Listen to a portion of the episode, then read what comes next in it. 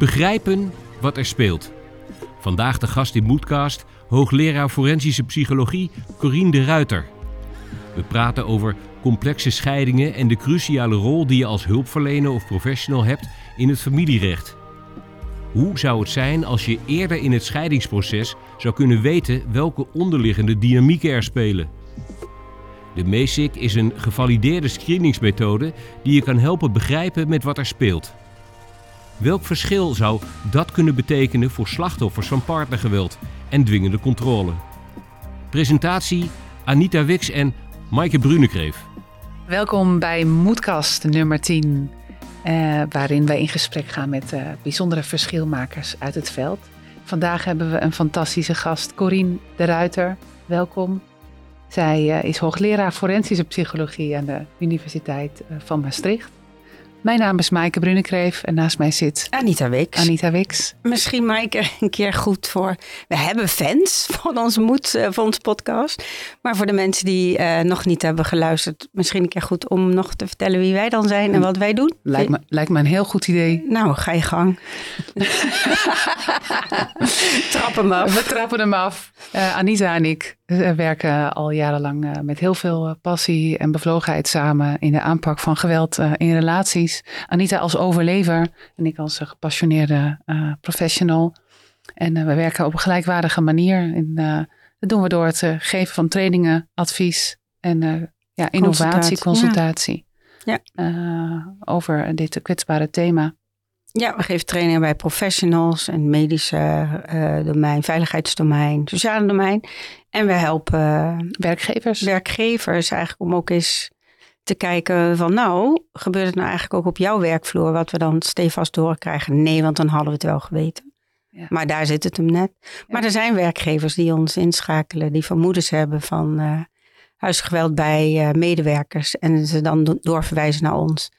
En wat heel mooi is, dat dat onder werktijd dan mag en dat ze ook de kosten betalen en dat wij steun kunnen bieden aan het slachtoffer, maar ook aan de werkgevers. En daar zit een heel grote passie van ons. Absoluut. En dan maken we in, een groot verschil ook in het uh, ja, voorkomen van verzuim en het verkorten van verzuim.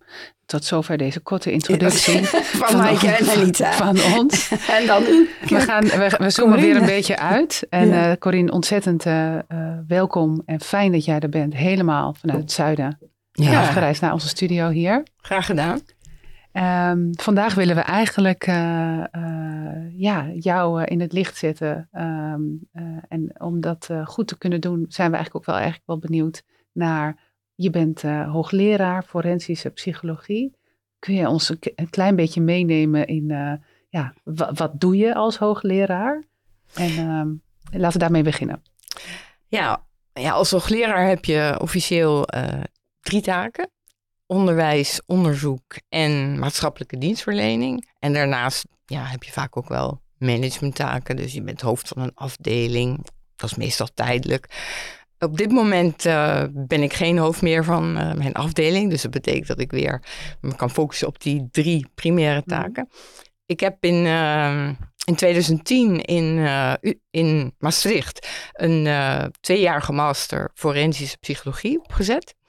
Dat is een tweejarige master, wat heel bijzonder is. Want bijna alle masters in de psychologie in Nederland zijn één jaar. Mm -hmm. Dat wilde ik absoluut niet, want de forensische psychologie is een heel complex vak. En het is ook een vak ja, waarvan je wilt dat degenen die afstuderen ook echt goede vaardigheden en kennis hebben om in dat complexe veld, en dan gaat het om gevangeniswezen of uh, TBS-klinieken, maar ook bij de kinderbescherming, uh, in de vrouwenopvang, noem maar op, dat ze echt uh, goed beslagen ten ijs komen.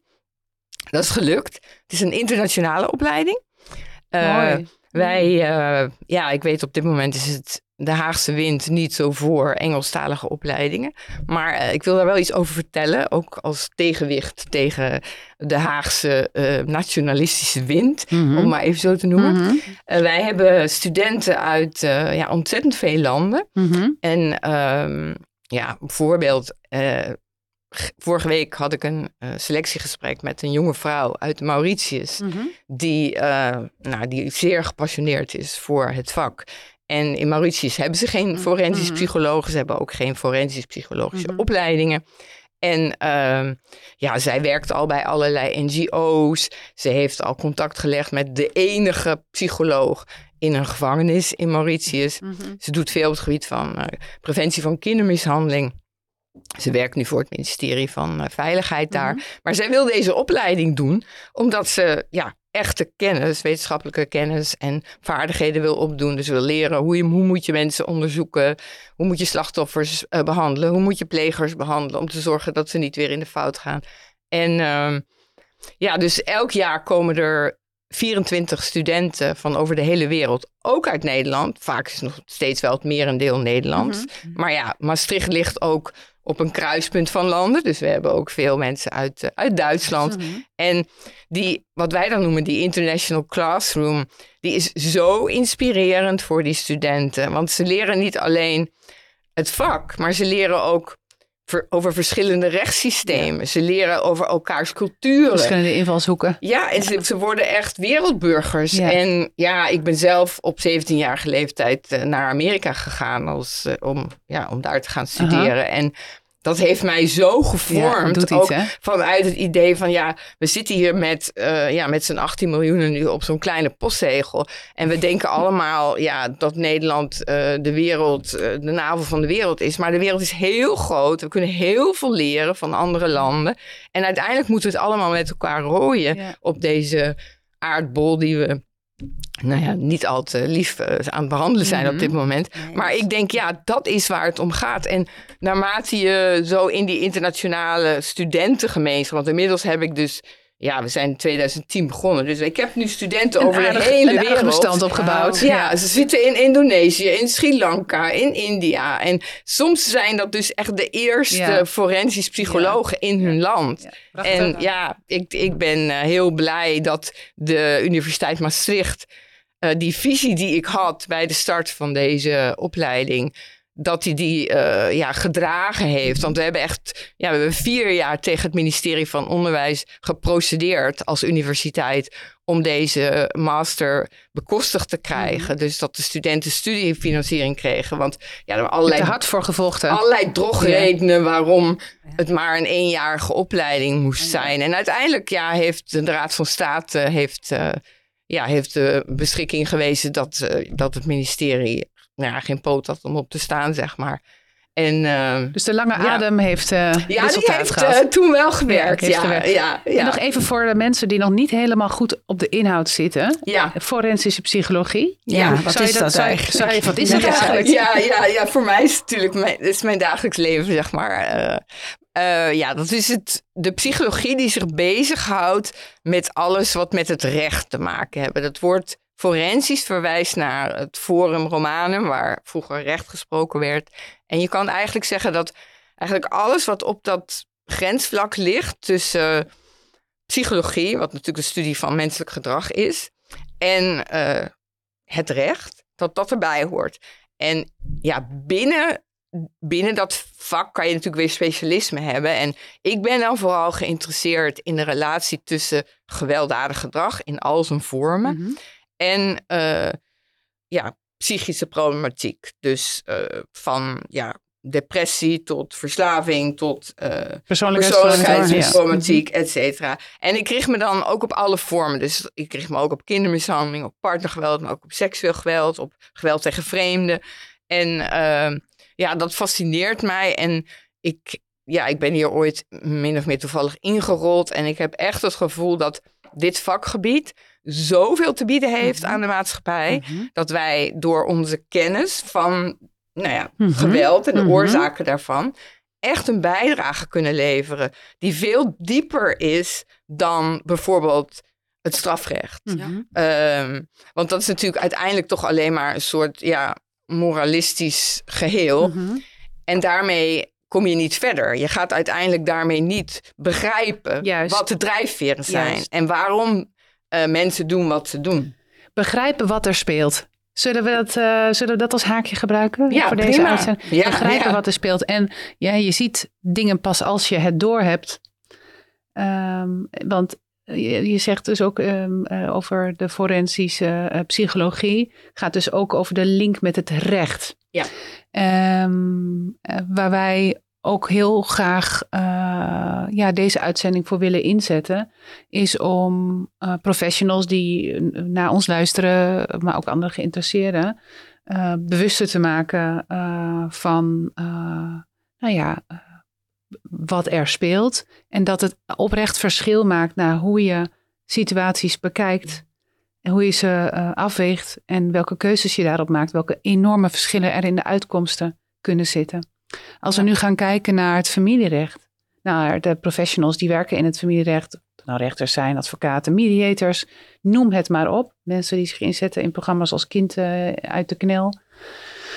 Um, hoe zou het zijn als als zij uh, toch meer kennis, meer sensitiviteit zouden hebben om te begrijpen wat er daadwerkelijk speelt. Ja. En wel, welke enorme verschillen zou dat betekenen in beslissingen en uitkomsten voor de betrokken volwassenen en kinderen? En Anita en ik werken al, dat zei je net ook al, best wel een hele tijd eh, samen. Anita is overlever. Jij weet hoe het is om als uh, ja, volwassenen in een uh, gezinssituatie, in een relatie te zitten waarin het verre van veilig was. Ogenschijnlijk was er niks aan de hand. Iedereen zag er goed verzorgd uit. Jullie hadden samen, zes, samengesteld gezin, zes ja, kinderen. Zes kinderen. Um, uh, hè, niets was, was wat het lijkt, wat ik net al zei. Um, at any point zijn er ook hulpverleners uh, over de vloer geweest. Uh, zijn jullie ook uh, in zorg geweest? is ook het familierecht om de hoek komen kijken, noem het maar op. Het heeft nogal, denk ik, wat. Het, het heeft nogal wat impact gehad, nou ja, al deze gemiste kansen. Precies eigenlijk waar het over gaat. Niemand heeft ooit gescreend van hebben we hier te maken met huiselijk geweld. Want als je namelijk zelf daarin zit, heb je helemaal niet door dat het huiselijk geweld is. Dus de juiste vragen zijn nooit gesteld. Er is ook nooit, zoals dan nu met de MESIC, ons apart gesproken. Wat me gelijk, misschien loop ik dan voor, maar wat, wat ik dan wel denk, hoe werkt zoiets? Welke vragen zijn dat? Want ik denk dan als mij destijds gevraagd was, ik weet ook niet hoe die vragenlijst eruit ziet, zou ik misschien nog hebben gezegd: nee, dat is allemaal niet zo. Dus ik ben, daar ben ik vooruitlopend al heel erg benieuwd naar. Maar er zou wel een verschil hebben gemaakt als dat destijds, we hebben het over meer dan, dan tien jaar geleden, ja. als de juiste vragen waren gesteld en als het anders benaderd werd. Want nu ging het niet over huiselijk geweld. Nee. Dus het had heel veel verschil gemaakt en, als de hulpverleners ja, hadden, ja, hadden En zeker checken. omdat ik heel erg te maken had met, met die dwingende controle. Ja, ja. En wat nog jaren, zelfs uit de relatie, Ja, een nasleep heeft. Dat, dat stukje. En daar zijn de meeste professionals zich helemaal niet bewust nee, van. Nee, stopt niet als je uit nee dat, relatie bent. dat gaat door en wordt soms heviger. Precies. Mees, Ja. Meesik, het woord is gevallen. Ja, meesik het woord is Mees- gevallen. Ja. Me- Meesik, Ja. Kun je er iets over vertellen, Corine? Ja, nou la- laat ik eerst beginnen met eh, uit te leggen, zeg maar, hoe, hoe in het buitenland. Ik zei net al van, ik vind het heel belangrijk om de ramen wagenwijd open te zetten. En ik heb heel veel van mijn kennis opgedaan, natuurlijk door eh, ja, wetenschappelijk onderzoek te lezen op dit terrein, maar ook door veel contacten met eh, mensen in Noord-Amerika, Australië met name. En zij kijken eigenlijk naar die, die zogenaamde vechtscheidingen, want dat, ik zeg bewust zogenaamd, Precies. vanuit het idee van een puzzel. Dus het is een puzzel die je moet gaan leggen. Er zijn twee mensen die niet in staat zijn om, want dat is eigenlijk de definitie, na de scheiding eh, een, een veilige opgroeisituatie te creëren voor hun kinderen. Ze blijven strijden. En, dat, en strijd kan al ontstaan doordat één van de twee steeds weer rechtszaken begint Saboteert. de boel saboteert, Ja, et cetera. Je hebt ook dat hele idee van waar twee vechten hebben twee twee schuld. schuld. Nou, dat is echt Echt de grootst mogelijke onzin. Ja. Herhaling. En- dat is zo groot mogelijke onzin. Groot mogelijk ja, onzin. en het, is, en het is ook echt, daar ben ik inmiddels wel van overtuigd. Het is opnieuw het, als er dus sprake is van eenzijdig partnergeweld met een duidelijk slachtoffer, is het voor een slachtoffer echt een nieuwe klap in het gezicht om dat te horen. Dat is het. Dus eh, familierechters, eh, kijk uit wat je, wat je zegt in de rechtszaal. Ja. Ehm, maar even terug naar die puzzel. Die puzzel die bestaat uit heel veel verschillende stukjes. En je moet eigenlijk als professional, als jij onderzoek doet, dus als je bij de raad werkt of bij Veilig Thuis of een andere plek, waar jij gevraagd wordt om deze gezinnen te begeleiden, mhm. moet je eerst goed onderzoeken wat er aan, aan de hand is. De vraag is, wat drijft het conflict hier? Wat, is, wat maakt dat deze mensen er niet samen uitkomen? En daar hoef je niet belerend te doen, zoals in al die rechtelijke beschikkingen van ja, ouders moeten hun conflicten vergeten en ze moeten nu voor de kinderen staan, et cetera. Het punt is, dat kunnen deze mensen niet, om wat voor reden dan ook. Dus je moet die werkelijkheid onder ogen gaan zien en je moet als onderzoeker echt willen weten hoe het zit. En dat betekent dat je gaat uitzoeken, speelt hier psychische problematiek, speelt hier problemen bij de kinderen. Soms heb je een kind met eh, autisme of een andere stoornis of een handicap die maakt dat dat kind bijvoorbeeld ja, toch moeite heeft met het contact met een van de ouders. Het kan zijn dat er verslavingsproblematiek speelt. Dat er uh, een van de ouders gewoon niet weet hoe die kinderen moet opvoeden. Mhm. Omdat hij eigenlijk altijd een beetje een bijrol had. En nu opeens krijgt die persoon de kinderen elk weekend. En dat gaat helemaal niet. Hoe moet je dat doen? Uh, en last but not least, er kan een voorgeschiedenis van partnergeweld spelen. Mhm. En dat laatste, dat is voor mij altijd uh, het begin van het onderzoek. Mhm. Want je moet eerst iets kunnen snappen van de voorgeschiedenis. Ook om te kunnen begrijpen, ja, waarom zijn deze mensen uit elkaar mhm. gegaan? Wat is de aanloop geweest? Wat speelt hier? Uh, is de aankondiging van de scheiding zelf heel heel traumatisch geweest mhm. voor een van de twee. Misschien is een van de ouders er met de buurman vandoor mhm. gegaan. Weet ik Context en voorgeschiedenis. Alles, alles uitzoeken. Ja. En ja, daar komt dan de MESIC in beeld. En dat is dus een, ja, een interviewmethode, moet ik erbij zeggen. Het is geen vragenlijst. Dus het is echt een gesprek met beide ouders apart, zoals jij al aangaf, Anita. Ja, belangrijk. En dat is cruciaal. Ja.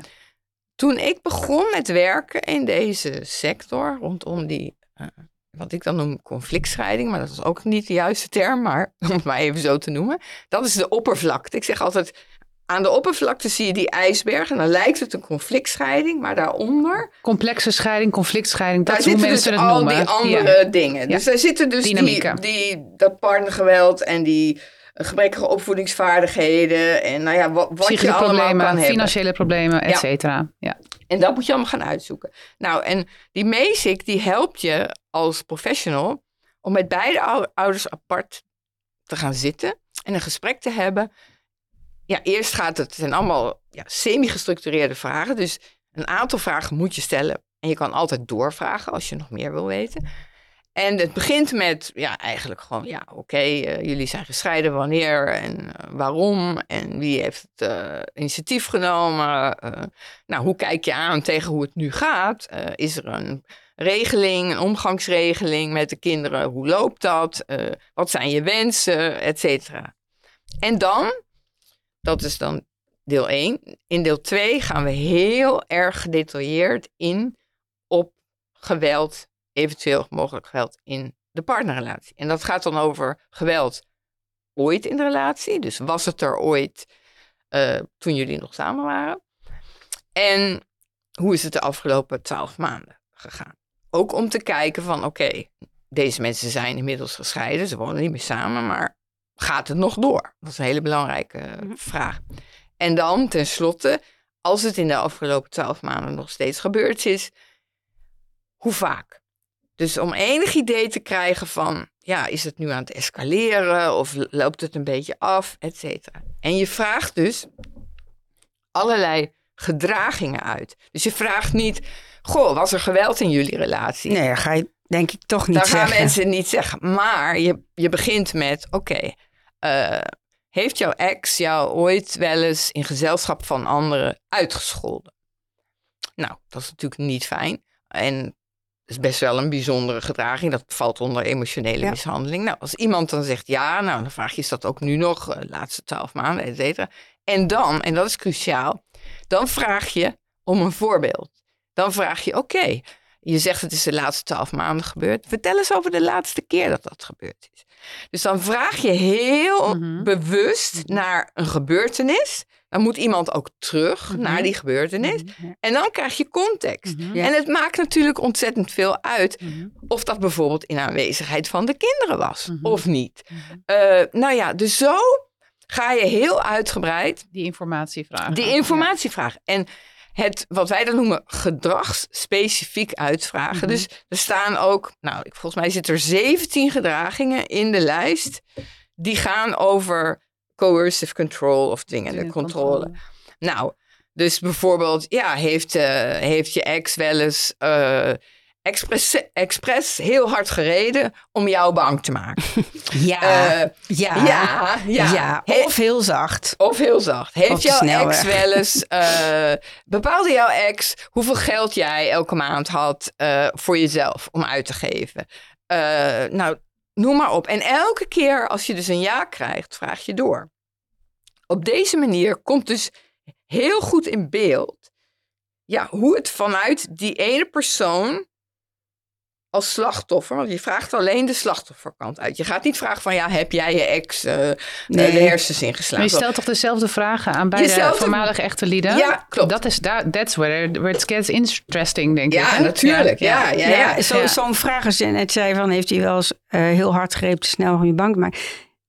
Nu denk ik echt, toen besefte ik nog niet wat dat betekende, waarom die dat dan deed. Ja, Dus dan, daar zou ik op zeggen, ja zeker, omdat ik denk, kan ik gerust vertellen, want ik heb geen idee dat dat een soort instrument is ja. wat ze Toepassen. toepassen. Ja. Om, dus ja, Ja. die voel ik wel. Maar dat is natuurlijk ook... Kijk, als je op deze manier zo specifiek gaat uitvragen... ja. dan geef je eigenlijk ook de boodschap aan de geïnterviewde... als dat een slachtoffer is... Ja. van nou, ik heb, ik heb echt wel kennis over dit hele fenomeen. Ja. Ik weet dat dit bestaat. En dat is ook wat wij terug horen van slachtoffers. Dat ze zeggen van, "Goh, nou, dit zijn mensen, mind you, soms zitten ze al zeven jaar in het systeem. Hè. Ze worden, deze gezinnen worden rondgepompt, allerlei hulpverleningsinstanties en dan een OTS en dan jeugdbeschermer X, Y, Z, nou ja, you name it. En dan zeggen ze dus, als ze voor het eerst eh, zo uitgebreid gesproken worden over deze problematiek, zonder uitzondering, eigenlijk zegt iedereen, wat goed Ja. dat hier nou eens bij stilgestaan wordt. Ik heb in al die jaren dat ik nu hulpverlening heb Mhm. gehad, nog nooit heeft iemand deze vragen gesteld. En wat je ook soms merkt, is dat mensen zeggen: Goh, dit gesprek, ja, het was wel moeilijk. Het is natuurlijk confronterend.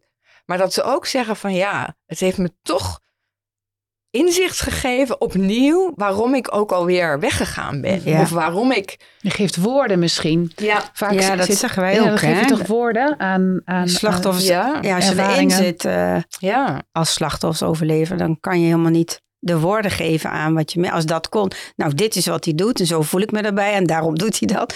Dan zou het iets heel anders zijn, maar je hebt geen idee. Je hebt echt geen idee waarom dingen gebeuren.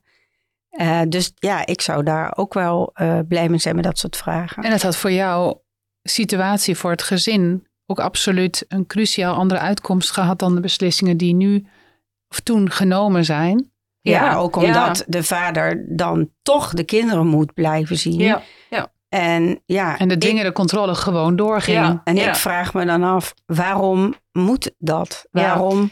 Ja, Wat vind jij daar Ja, eigenlijk dat, dat is natuurlijk een hele interessante vraag. Want uiteindelijk krijg je dus als uitslag uit die MESIC... eh naar aanleiding van die twee verhalen... die dus heel gedetailleerd zijn... en vaak ook heb je als professional... zeker als je bij de raad of bij Veilig Thuis werkt... heb je ook andere bronnen van informatie... waaruit je kan putten om die relatie in kaart te brengen. Het verleden en het heden. En eh, als er dan uitkomt dat er sprake is van dwingend, controlerend eh, partnergeweld. En dat is geweld waarbij er duidelijk een pleger is en een slachtoffer. En je hebt ook wederkerig partnergeweld. Er zijn het allebei twee Ja. mensen die, nou ja, die niet goed kunnen communiceren. Kleine conflictjes lopen makkelijk uit de hand. Maar de, de meest sinistere en omineuze vorm van eh, partnergeweld Mhm. is die dwingende controle. En dat gaat ook door na de scheiding. Mhm. Dat wil zeggen, die, die partners die proberen het hele in dit geval het familierechtssysteem en eh, de professionals die werken, Mhm. dus eh, Mhm. ook de mensen die bij de raad werken, de jeugdprofessionals, die proberen ze aan hun kant te krijgen en zo te manipuleren dat eigenlijk ehm, ja, dat hele systeem meegaat in eh, het, verder, het slag- narratief. Ja, verder, verder slachtoffer maken van, ja, van het slachtoffer van de dwingende controle. En dat gaat dan op allerlei manieren. Dat is bijvoorbeeld ja, in de rechtszaal. eh, meestal hebben die, die plegers ook eh, nou ja, niet de, de meest eh, vriendelijke advocaten, zullen maar zeggen. Dus die, die krijgen alle ruimte om in de rechtszaal eh, die ex dan volledig zwart te maken. Zo van, ja, ze is borderline en ze is dit en ze is dat. En, en de rechter doet helemaal niets daaraan. Ik heb dat, ik heb dat een aantal keer gezien. Ik, ik vond het echt schokkend. Ik denk van, nou, je zal daar maar zitten als slachtoffer. En je krijgt alleen maar, ja, eigenlijk een nieuwe scheldpartij... waar je al aan gewend bent van je ex, maar nu ook nog van de advocaat. Het is vaak een verbale tsunami Ja. met Ja. de nodige eh, emoties, eh, drama. Ja. En vaak zie je ook dat het wordt omgedraaid. Dus eh, ja. eh, het slachtoffer, het, ja, jezelf als slachtoffer maken, ontkennen, Ja. alles bij de ander neerleggen. Ja, en ook, ook claimen dat. want kijk, als jij slachtoffer bent van iemand die dwingende controle heeft gepleegd, dan weet je hoe intimiderend en bedreigend die persoon kan zijn.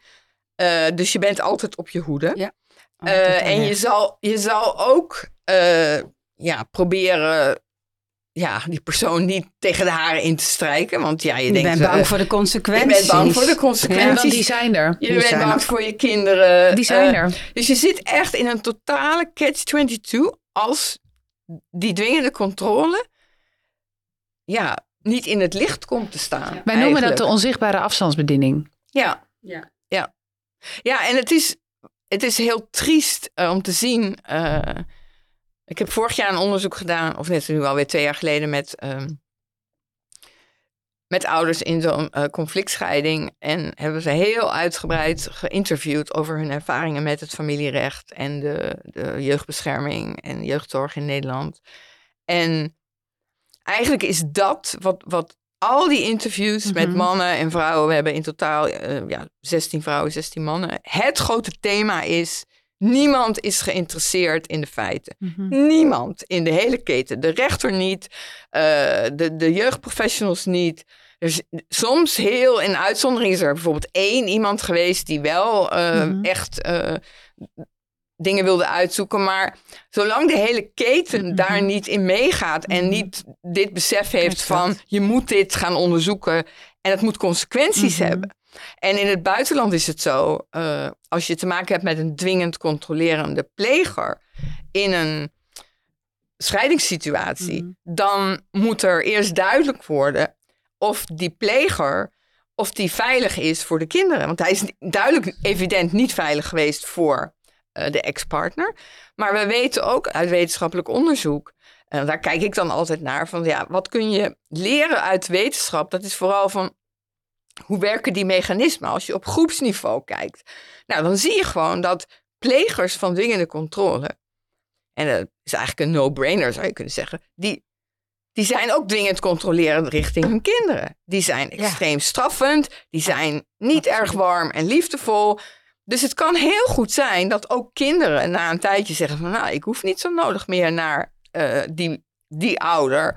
Want ik voel me daar niet zo, niet zo snang, eh, zeg maar. Dat kan een signaal zijn. Dat kan een signaal Ja, zijn. een signaal maar dat zijn. wordt hier dus in Nederland direct geïnterpreteerd Van als... tafel. Oh, dat is eh Ja, de verstoting. Daar is, dat is, komt omdat die andere Die ouder... op en die praat die, slecht. die praat slecht en dit en dat. En dat is ook echt... Er zijn dus ook heel veel, en dat vind ik echt zo erg... would-be deskundigen in Nederland. Die echt alleen op basis van het gedrag van het kind... Dus die zeggen van, nou, dit kind weigert contact na scheiding. Ja, dat Dan- is ouderverstoting. En het moet en het zal. Zonder ook maar echt grondig onderzoek te doen naar de voorgeschiedenis van partnergeweld, naar eventuele kindermishandeling. Echt, ik heb daar echt de meest schokkende Mhm. dingen gezien. Mhm. Die echt, nou ja, ehm, ik heb daar eigenlijk geen woorden voor. En Ja, ook dus- het feit dat, dat, dat familierechters dus zo kritiekloos uh, adviezen opvolgen en geen vragen stellen, zich niet verdiepen in deze materie. Um, ik weet dat in Amerika zijn er, zijn er familierechters die mhm. schrijven boeken en die zeggen. We moeten naar een problem-solving mhm. family court. We moeten naar een family court.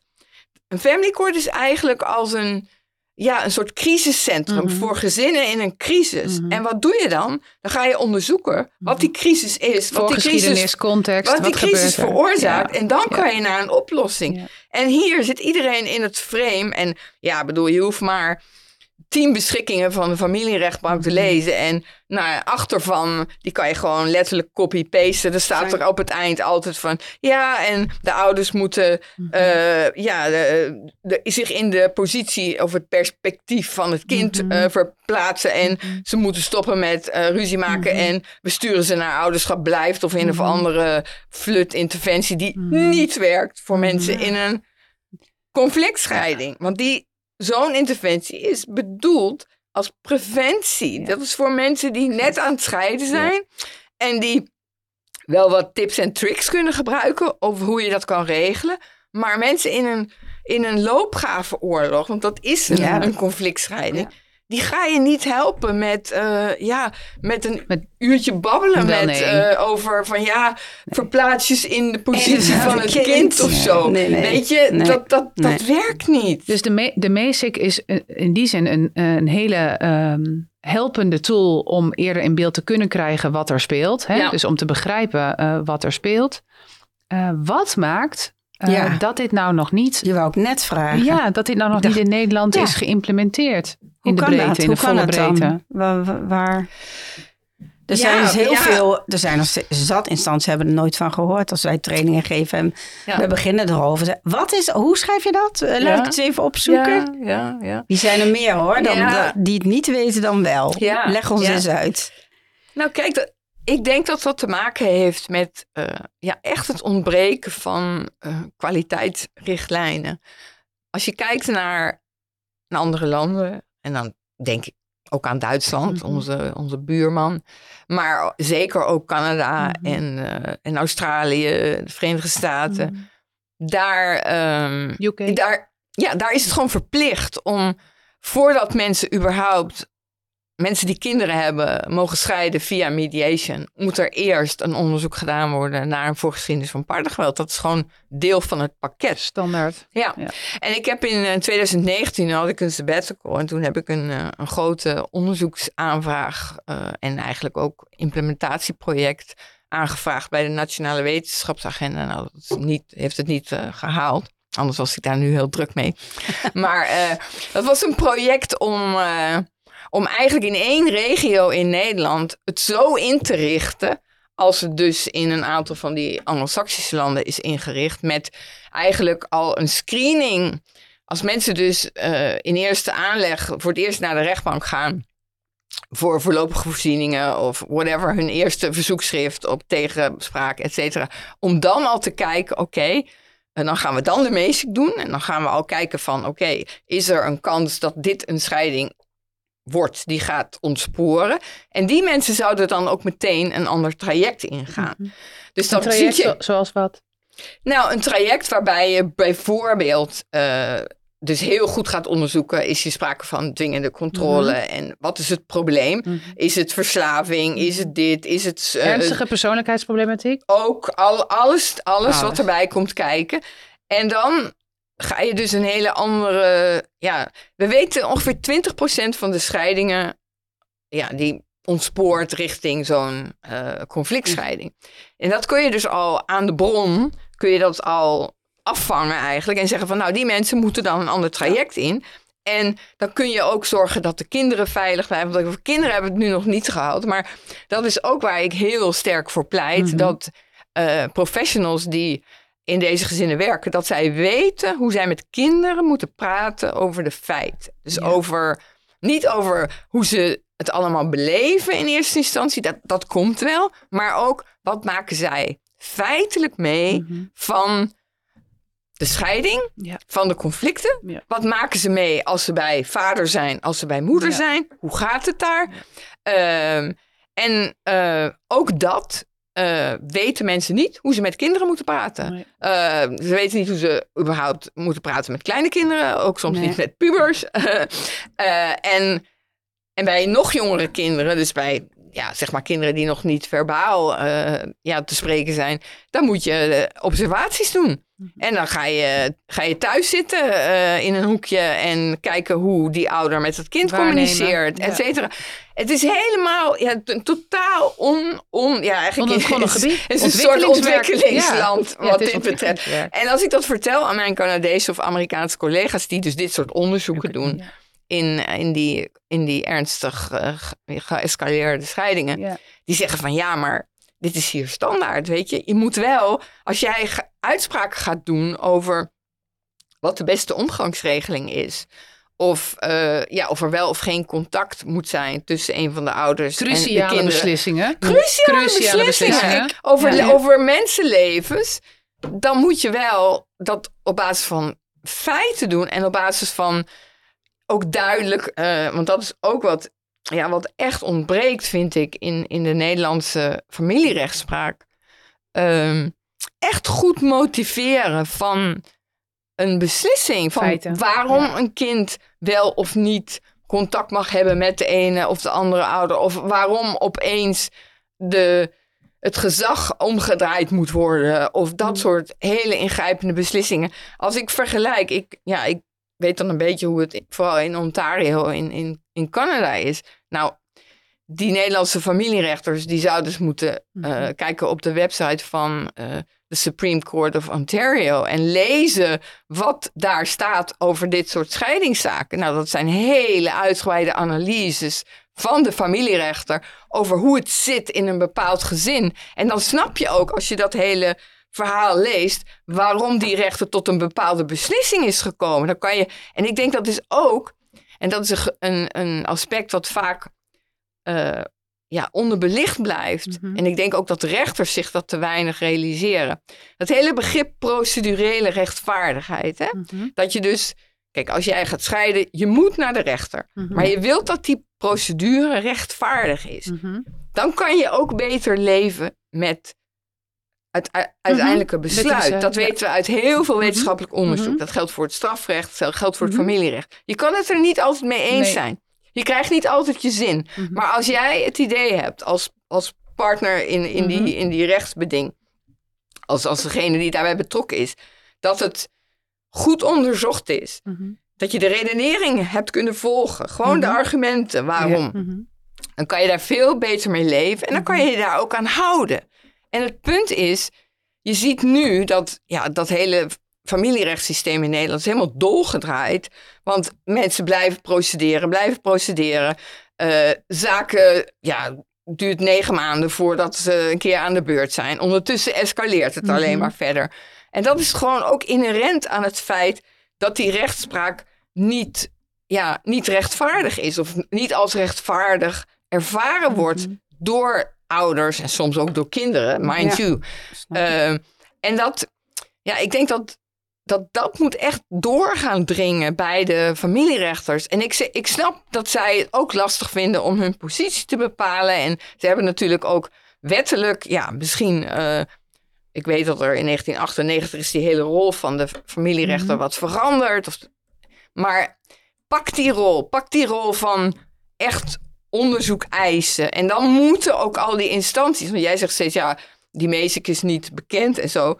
Dat klopt, maar dan moet de raad ermee gaan werken. Dan moet Veilig Thuis, Het begint, bij, het iedereen... begint bij een besluit om oprecht te willen begrijpen wat er speelt. Ja, dat, Ja. Is de, dat, is de, dat is het eerste. Daar begint het mee. En, ehm, en het heeft natuurlijk ook ehm, inderdaad impact op zoveel verschillende dimensies. En het, eh, om dit goed te kunnen eh, veranderen, bewegen, implementeren, heb je zoveel verschillende perspectieven en nieuwe ehm, invalshoeken nodig. En dan denk ik ook echt uh, Meesik en dan. Hoe hebben wij het in de hulpverlening georganiseerd? Ja, nou ja, de we moeten ook veel meer forensisch psychologen in deze sector komen werken. Maar met alle respect, een, een SKJ geregistreerde hulpverlener die met kinderen werkt, met jeugd werkt, die heeft HBO, ehm, soms MBO. En is, zijn, zijn dit 23. 23, met alle respect. Maar kun, er is wel meer voor nodig om, denk ik, een, uh, een instrument als MESIC die zo veel verschil kan maken. Het is waarschijnlijk geen heilige graal, maar maakt wel heel veel verschil als je dit vooraan in het proces gaat toepassen. Verschil voor kinderen uiteindelijk en voor mensenlevens, welbevinden, gezondheid en alle kosten die daaruit voortvloeien. Kun je een mega verschil in maken. Als je zo'n belangrijk instrument wil, goed wil gaan implementeren en wil gaan inzetten, zou het ook geen gedachte kunnen zijn om er een goede assessment uh, op te zetten. Want als je in cruciale beroepen wil werken, heb je soms ook een driedaagse assessment nodig of selectieprocedure. Ja. Je hebt namelijk, naast dat je empathisch bent, is ook een beetje analytisch. Oordeelloos bent, maar heb je een analyse nodig, een analytische blik nodig. Om, om, de uh, patronen te kunnen doorzien. Ja, nou wat je ook heel erg nodig hebt, is dat je eigenlijk continu bezig bent met allerlei hypotheses in je hoofd. Ja, de revue te laten passeren. Want je, je bent bezig met gegevens te verzamelen over dat gezin. Je praat natuurlijk niet alleen met die ouders, je praat ook met de kinderen. Dat ga je allemaal afwegen mhm. naast elkaar. Uh, en daar heb je inderdaad een bepaald analytisch denkvermogen voor nodig. En ook uh, je moet continu eigenlijk alert zijn op je eigen vooroordelen, je eigen vooringenomenheid. Van, oh ja, maar ja, die moeder is toch wel echt een stuk hoger opgeleid dan die vader. Dus dat, ja, maar dan moet jij eigenlijk tegen jezelf zeggen: ja, maar daar hebben we het hier niet over. Dat is even helemaal niet belangrijk hier. Uh, die moeder die zo hoog opgeleid is, kan ook een kreng zijn. Weet je, ik noem maar wat. Niet ja. wat het lijkt. Als, als voorbeeld. Geen vooroordelen. En, en dat je elke keer, en ik denk zelf mijn idea, in mijn ideale wereld ja, zou de hele, de hele jeugdketen helemaal op de schop uh, gaan. En zou het dus met die triage aan de poort bij de rechtbank gaan. En dan zou de rechtbank zeggen van oké, dit is een potentieel ingewikkelde casus. Die gaan we uitgebreid onderzoeken. Dan hebben we daar een team, van mm. het liefst Multi, uh, multidisciplinair. multidisciplinair. Maar ook een team wat geleid wordt ja, door een gespecialiseerd. Goed geschoold. Klinisch, ja. klinisch psycholoog, ben geregistreerd, echt de hoogste van het hoogste. En die kan best wel een aantal onderzoekers in zijn team hebben die niet zo hoog zijn opgeleid. Maar er is altijd die denkkracht, die is aanwezig. En die houdt die andere mensen ook scherp. scherp. En die zorgt ook dat die mensen ook meegetrokken worden de lucht in. Dus naar een hoger perspectief. En dat is het grote probleem in Nederland. Als jij um, niet de goede leidinggevende hebt dan kan je heel makkelijk in die zesjescultuur blijven, blijven hangen. en dat zie ik gewoon heel veel. Ja, er zijn heel veel goedwillende mensen bij. En, en ook slimme mensen die bijvoorbeeld bij Veilig Thuis werken of bij de Raad. Nou, die hebben vaak leidinggevenden die zijn, nou ja, niet echt inhoudelijk deskundig. Dat zijn een beetje management-achtige types. En de echt goede mensen, die, die gaan weg. Want die hebben op een gegeven moment zoiets van... ja, maar ik word niet genoeg gefaciliteerd in wat ik weet dat echt nodig is om de cliënten, want daar gaat, bedoel, mij gaat het uiteindelijk alleen maar om die gezinnen. Hè? Ik bedoel, ik zie mijn werk als dienstbaar aan de samenleving en in dit geval aan ouders en kinderen die in deze vreselijke conflictscheiding terecht zijn gekomen. En ik probeer met methodieken, met trainingen, met wetenschappelijk onderzoek mijn licht daarop te laten schijnen zodat uiteindelijk hopelijk andere mensen ook het licht gaan zien. Nou, dat, daar hebben we helemaal, uh, helemaal overeenkomst. Ja, ja. Het doen hetzelfde, maar dan op een andere manier. Ja, en we, ook met een missie. En dat zie ik bij jou ook vaak terug in interviews. Het is wel meer dan werken, hè? dat is ook een missie. Ik wil nog even het licht schijnen. Uh, die, die vraag die brandt al steeds. Wat ik heb gedaan in de tijd dat ik in deze, deze gewelddadige relatie zat, wanneer er uh, sprake was van geweld, naar mij toe of naar de kinderen, dat je dan als moeder dat altijd goed praat. Dat je zegt, ja, hij heeft dat gedaan, maar hij bedoelt het niet zo, want hij houdt wel heel veel van je. Wat geven daar nou eigenlijk als moeders voor signalen mee af dat we het goed praten? De kinderen die hebben heel lang gedacht, nou, je mag gewoon je vrouw in elkaar slaan als je het maar weer goed maakt. En dat is zoals het gaat. Want zelfs mama zegt, maar hij houdt wel van je nu denk ik, iemand die zijn kinderen mishandelt en zijn vrouw, daar is geen houden van. Daar is geen liefde. Die houdt niet van je, want dan zou hij dat niet doen. Dus ik denk nu wel eens, waarom heb ik jaren dat gedrag goed gepraat en zou dat niet anders moeten? Of kun je dat dan niet? Ik heb er nooit zo over nagedacht natuurlijk. Nu ben ik daar jaren mee bezig, denk er heel anders over. Maar toen ik erin zat, was dat wat ik deed. Hij bedoelt het niet zo, Ja. want hij houdt van je. Hoe denk jij Ik, ik, daarover? ik, ik begrijp dat heel goed. Ik, dat is jouw manier van coping met die situatie geweest. Ik heb zelf de meest erge geval van dwingende controle die ik heb meegemaakt in mijn carrière was een hoogopgeleide vrouw die een man had die haar echt, nou ja, seksueel mishandelde. eh, vooral heel veel bedreigde. Bedreigde ook met de dood. Hij heeft op een gegeven moment eh, haar hond eh, doodgeknuppeld. Ja. Bijna dood. Uiteindelijk moest ze dan naar de, de dierenarts ermee. En ze, ze zegt toen tegen mij van ja, ik was toen met die hond bij de dierenarts. En ik hoopte maar zo dat die dierenarts iets zou vragen van wat is er gebeurd met die hond. Maar dat deed hij niet. Hij zei alleen maar van ja, hij is er wel slecht aan toe. En ja, hij moet echt wel eh euthanasie krijgen. En zij zat ook... Kijk, ik denk als je heel lang in een extreem gewelddadige, dwingend controlerende relatie zit, dan je wordt helemaal murf als persoon. Ja. Eh, je, je verliest jezelf. Op. Je, je verliest het, ook het gevoel van dat je er nog uit kan. Mhm. Ehm, je ziet dat heel veel eh, slachtoffers, en ik, en ik ken ook mannen die slachtoffer zijn, Jazeker. Mhm. Ehm, die, ehm, ja, die zijn helemaal aan het einde van hun Latijn. Een soort burn-out, een, een, een depressie, eh, PTSS-klachten. Zijn schimmen van zichzelf. Ja, Ja. echt. En Ja, het punt is ja. ook dat als je dan als, als je dus als rechter daar geen kennis van hebt, dan kan het dus heel goed zijn dat jij in de rechtszaal een slachtoffer en een pleger zit. Ja, en die pleger, ja, die Nou, zit ja, dus die is strak, Precies, je hebt precies, strak in het pak Ja. en die, gemaakt. Oh, die lijkt ze allemaal together te hebben.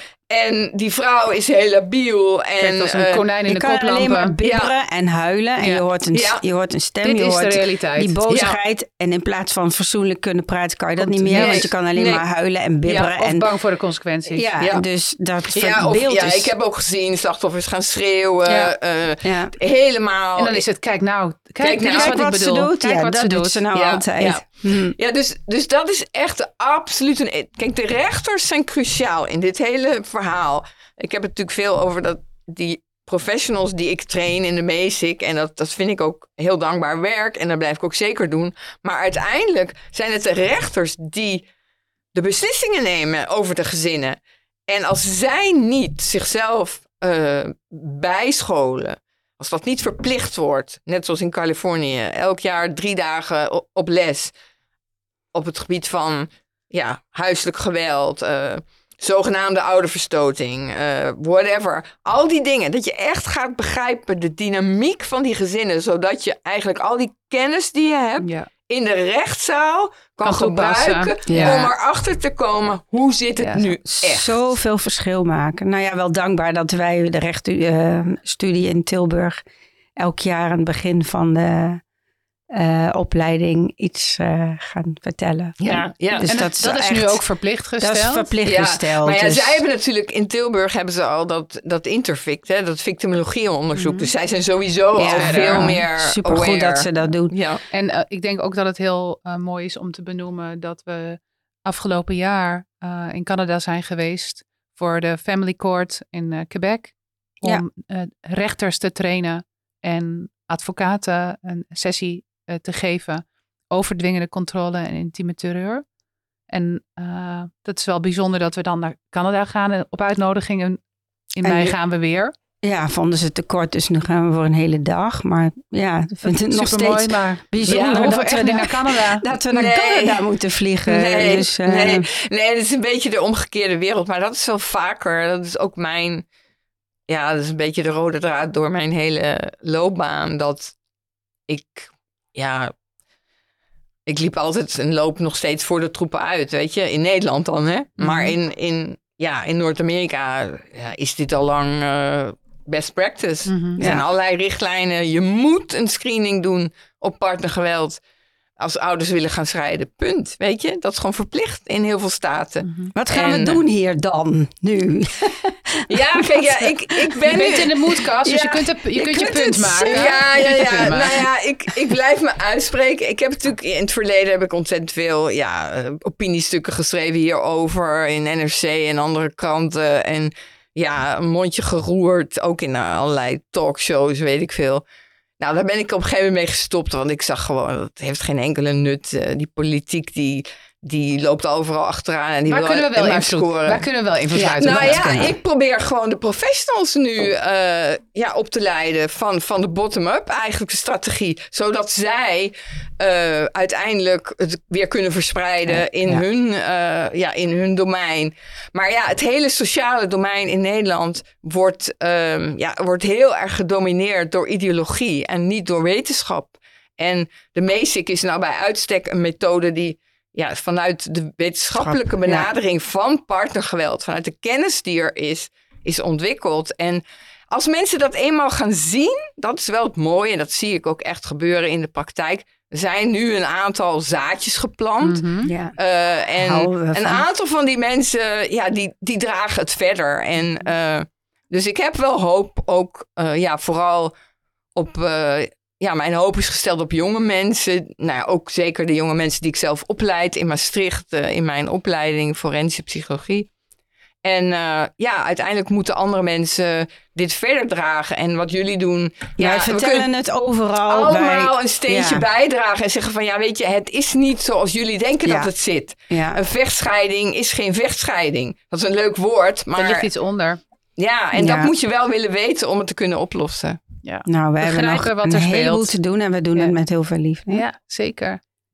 Fijn dat je zoveel wilde toelichten. Ja, heel graag gedaan. Ja. Heel graag Ja. gedaan. We kunnen nog wel uren praten, Ja. denk ik. Er komt een deel 2, denk ik. Dat zou mooi zijn, de Zeker. en dan. En dan. En dan. En dan. En dan. ja, want dan. over praten met kinderen kan ik ook nog heel veel vertellen. Oh, Nou, dat ja. bij deze gaan we eh, echt doen. de uitnodiging eh, voor, eh, voor deel 2. ja, heel goed. En ehm, eh, ontzettend bedankt ook namens mij voor ja, deze inspirerende uitzending. Ja, mooi. Heb jij nog iets wat je zegt? Dit wil ik nog even zeggen. Nee, ik, ik, heb denk ik alles gezegd wat ik Oh, wilde zeggen. En eh, ik denk, de, ja, er moet fundamenteel een, een, wat ik noem een paradigma shift Mhm. komen. Ja. Het moet, we moeten uit de, de onmiddellijke hulpverleningsstand en in de meer onderzoekende forensische stand komen. Uitzoomen. Wat gebeurt hier? Wat is hier aan de hand? Ja. Weet je, het topje van de ijsberg zijn twee vechtende ouders en kinderen die ongelukkig zijn.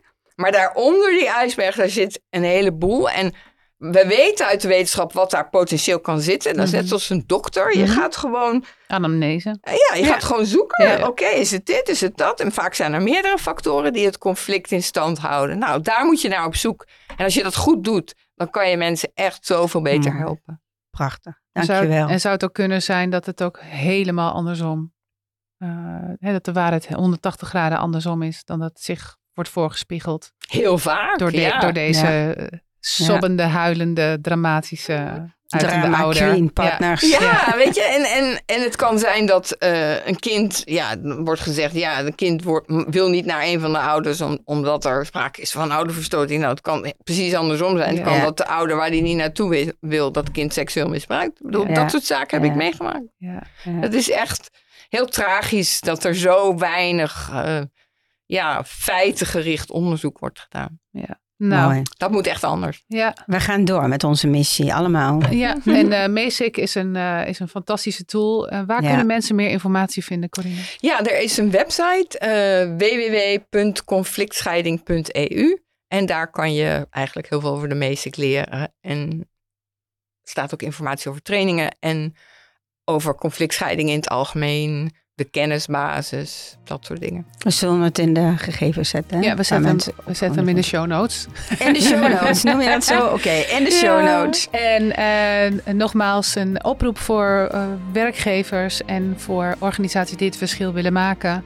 Eh, moedwerk eh, is een aanbod die eh, echt eh, het verschil kan maken voor je medewerkers. Ook om verzuim te voorkomen dan wel Ja. te verkorten. Willen we nog benoemen. Dankjewel. Dankjewel. Allemaal. Dag. Tot de volgende keer. Doeg.